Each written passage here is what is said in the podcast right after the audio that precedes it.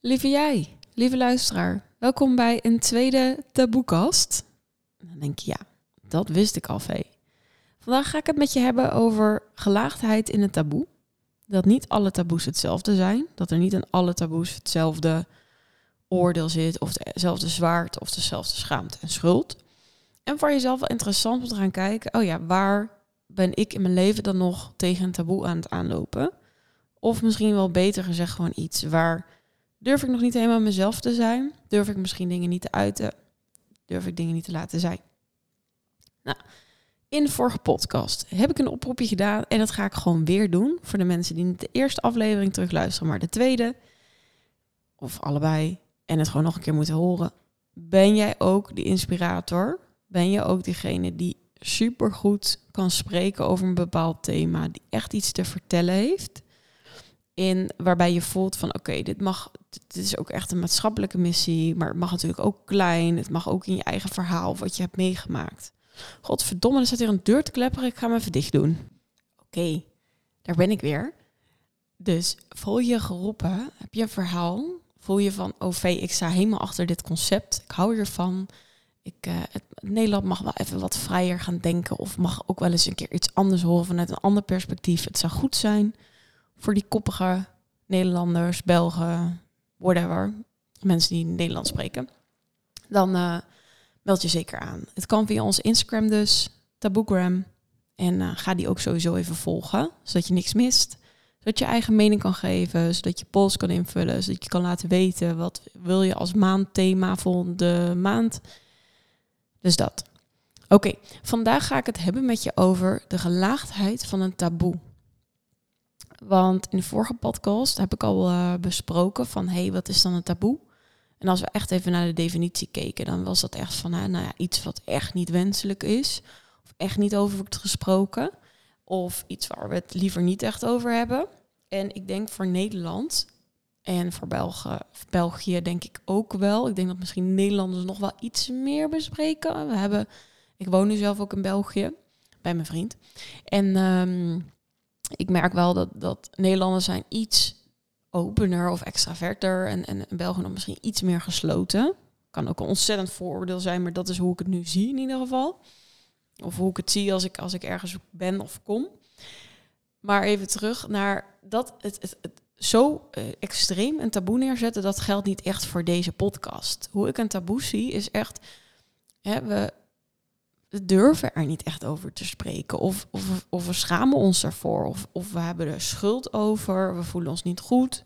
We denken, ah, ik val er misschien iemand anders mee lastig. Of ben ik nu gek? En dan ben ik de enige gek. Of ben ik de enige die zo denkt. En dat wil ik je in deze podcast gaan meegeven. Van, hè, ga je meenemen. En hoe er dus gelaagdheid is een taboe. En waar we soms helemaal eigenlijk niet over kunnen spreken. Wat echt niet kan. En ik wil je even laten zien van, oh ja, wat is dan zo'n eerste laag taboe? Wat is dan zo'n tweede laag taboe? En zo'n derde laag, die eigenlijk heel erg individueel te maken heeft met onszelf, met onze eigen kwetsbaarheid en ook onszelf durven laten zien. Nou, voor mij, om even te beginnen bij nummer 1, waar echt niet over wordt gesproken of wat echt niet wenselijk is. En dan ga ik even meenemen, terug meenemen in de tijd. Dus stap maar even met mij in de tijdmachine nou weet ik het wat, 100 jaar terug. Misschien nog wel 80 jaar terug. Ik, ik weet het eigenlijk niet zo. Het is nou niet dat ik hier uh, de geschiedkundige ga uithangen. Daar is deze podcast totaal niet voor bedoeld. Maar volgens mij was toen een onderwerp wat echt niet kon in ons nog wel christelijk landje homoseksualiteit. Het vallen op, op hetzelfde geslacht. Hè? En ik noem niet voor niets even christelijk, omdat het toch wel een hele lange tijd hè, de, de, heerser, de heerser is geweest. In de zin van de, de waarden en de normen die we ervan hebben meegekregen. En sommige zijn prachtig. Solidariteit bijvoorbeeld, voor een ander klaarstaan. Um, maar ook, weet je, de Bijbel. Of de Torah of de, de Koran, weet je. Het zijn wel boeken waarin staat man en vrouw horen samen. En ik ga niet alle religies, weet je, ik heb mijn achtergrond religiestudies. Ik ga echt niet alle geloven uh, over in kamp scheren en dat iedereen dan hetzelfde denkt. Nee, totaal niet. Maar als het zo in een boek staat en mensen volgen dat boek, dan schuurt dat natuurlijk aan ja, hoe het dan in, die, in, in de werkelijkheid is. En hoe het dan toch anders blijkt te zijn. En hoe zit dat dan, zou ik maar zeggen. Dus ik denk dat dat wel heel veel invloed heeft, eh, heeft gehad. En ehm, dat, dat dat ook een van de redenen is dat dat in Nederland toen in ieder geval echt iets was van, nou, dat kan niet. Ehm, en dat we nu eigenlijk met homoseksualiteit, denk ik een beetje naar de gelaagdheid en dan een beetje stap 2 zie ik dat dan, is waar steeds meer beweging in komt, waar steeds meer over wordt besproken en wat misschien al richting de acceptatie gaat. Nou, ik denk de acceptatie, ik ben zelf uh, heteroseksueel, um, dus ik zou dat ook niet kunnen vertellen uit een iemand die dus op hetzelfde geslacht valt en hoe die dat ervaart. En ik denk dat we daar echt nog in een spagaat zitten. Ehm, ik heb voor de klas gestaan. Ik, uh, ik had al verteld, ik heb mijn achtergrond religiestudies en ik heb dan een coachopleiding gedaan. Maar ik heb eerst zeven jaar voor de klas gestaan. Toen gaf ik levensbeschouwing.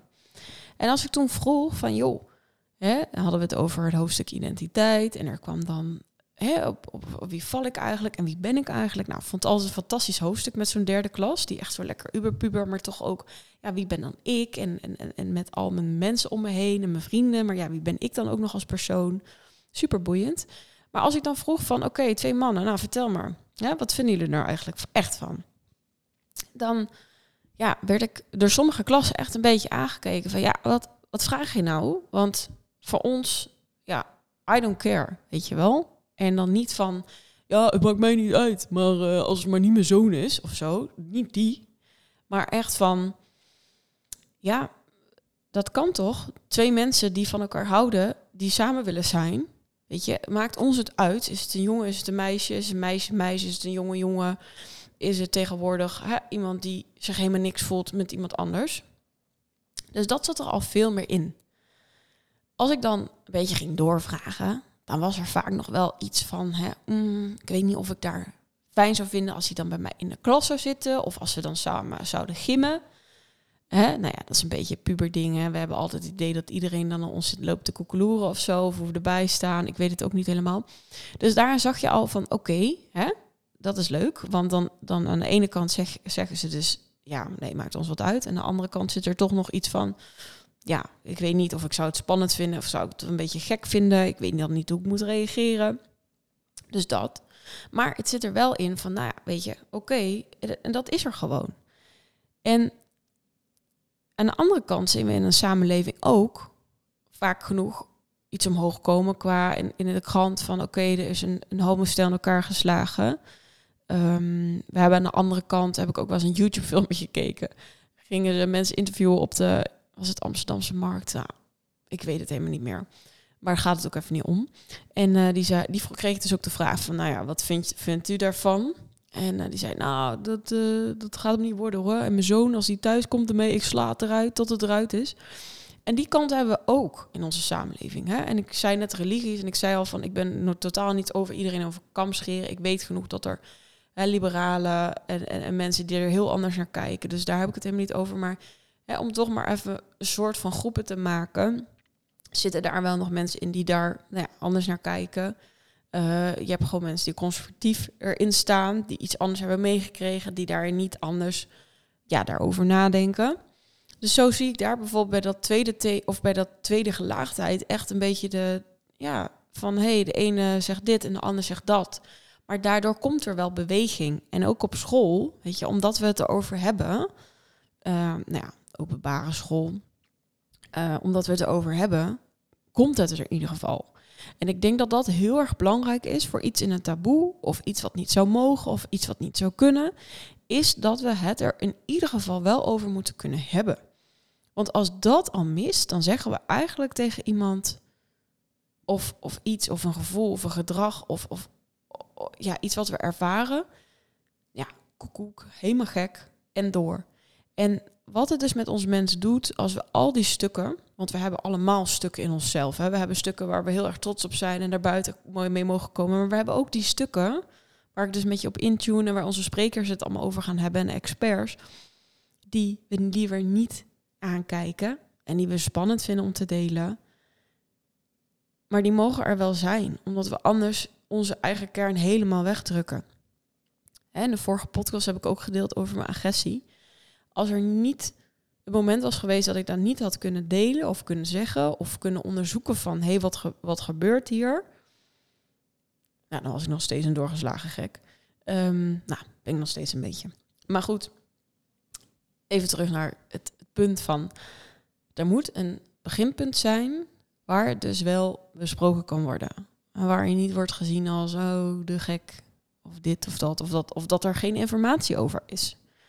Hè? Dus voor een taboe helpt het heel erg als er meer informatie over is, als mensen zich erover laten horen, als het bespreekbaar wordt. Hè? Net zoals we nu, nou ja, misschien helaas, maar dat het naar boven komt is niet erg, steeds meer horen over echt, echt seksueel misbruik en ja, wat dat heeft gedaan met vrouwen. En dat is bijvoorbeeld een van die thema's die zo kwetsbaar is en zo spannend. En zoveel mensen hebben daarin oordeel over je hoort ook de andere kant. Je hoort ook, nou, daar is er weer zo eentje die met een verhaal aankomt en dan een beetje de aandacht wil hebben of zo. En aan de andere kant is natuurlijk heel sterk van, ja, maar dit moet naar buiten. Dit kan echt niet meer. Dus die gelaagdheid zit er altijd in. Er zijn, of het zit nog heel erg van, het kan echt niet besproken worden. Of er is een soort beweging in en we hebben al meer de ruimte om erover te delen. En ik denk nummertje drie, dat is meer ja, het is allemaal persoonlijk natuurlijk, maar dat gaat veel meer over kwetsbare stukken. Dus om even, want dit zijn allemaal grote thema's die ik noem, maar een taboe of iets waar we niet over willen spreken of ons een beetje schamen of waarvan we denken kan dit wel, is soms heel erg klein. En als ik je vraag, durf je jouw behoeften te bespreken met jouw partner? Eh, zo partner. Wil je meer intimiteit? Mis je de seks? Wil je meer waardering? En bespreek je dit ook? Of ben je het stel, joh, we kruipen lekker met elkaar op de bank, chippy erbij, lekker tv'tje aan, we gaan naar bed. Ja. Ik doe een beetje theatraal, een beetje zwart-wit, maar ik denk dat heel veel stellen zo, ja, zo leven. En daarom gaan de eerste maand, september, gaan we het ook hebben over relaties. Ik ga ook met mijn eigen vriend een podcast opnemen. Nou, dat wordt al helemaal hilarisch. Ik heb er wel helemaal zin in. Maar Weet je, dus dat is voor mij de taboe-laag 3. Echt, mag ik mezelf en mijn kwetsbaarheid en wat ik echt wil delen en wat ik echt voel naar buiten brengen. Bij echt mijn naaste. want we hebben ook in de vorige podcast, nee, je hoeft het zeker niet met iedereen te delen. Je hoeft niet op de dam te gaan staan. Yo, wat ik al zei, yo, ik ben agressief geweest. Ik heb mijn moeder tikken gegeven. Prijs mij. Nee, daar gaat het echt helemaal niet om. Maar ik wil wel je laten zien dat deze derde laag, die gaat wel echt over jou. En durf je jezelf op bepaalde manieren te zijn. En dat kan soms in de kracht, maar het is ook heel vaak in de kwetsbaarheid. Behoefte delen, uh, gesprekken voeren, jezelf laten zien. Dat is super naakt en daarom is het ook zo spannend.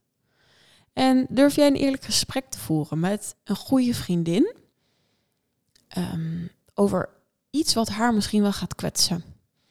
over bijvoorbeeld dat jullie vriendschap best wel veranderd is. Ik krijg in mijn coaching altijd zoveel vragen over wat moet ik nou doen als ik uit elkaar groei? Nou, het antwoord weten ze vaak zelf. Dat vraag ik ook vaak gewoon terug van oké, wat voel je? Hè? Oh god, daar is ze weer de zwevert. Oh, wat voel je dan? Nee, maar de antwoorden zitten al in ons. Maar durf je dat eerlijk gesprek te voeren? Ja of nee? Of druk je dat weg en merk je dan dat de hele tijd heel veel energie te kosten gaat en dat de vriendschap eigenlijk nog meer achteruit gaat? Of ben je dus naakt en durf je zo'n gesprek te voeren? Durf je ervoor uit te komen dat je spiritueel bent? Dat je helemaal rechts bent? Dat je helemaal links bent? Ehm, dat soort zaken.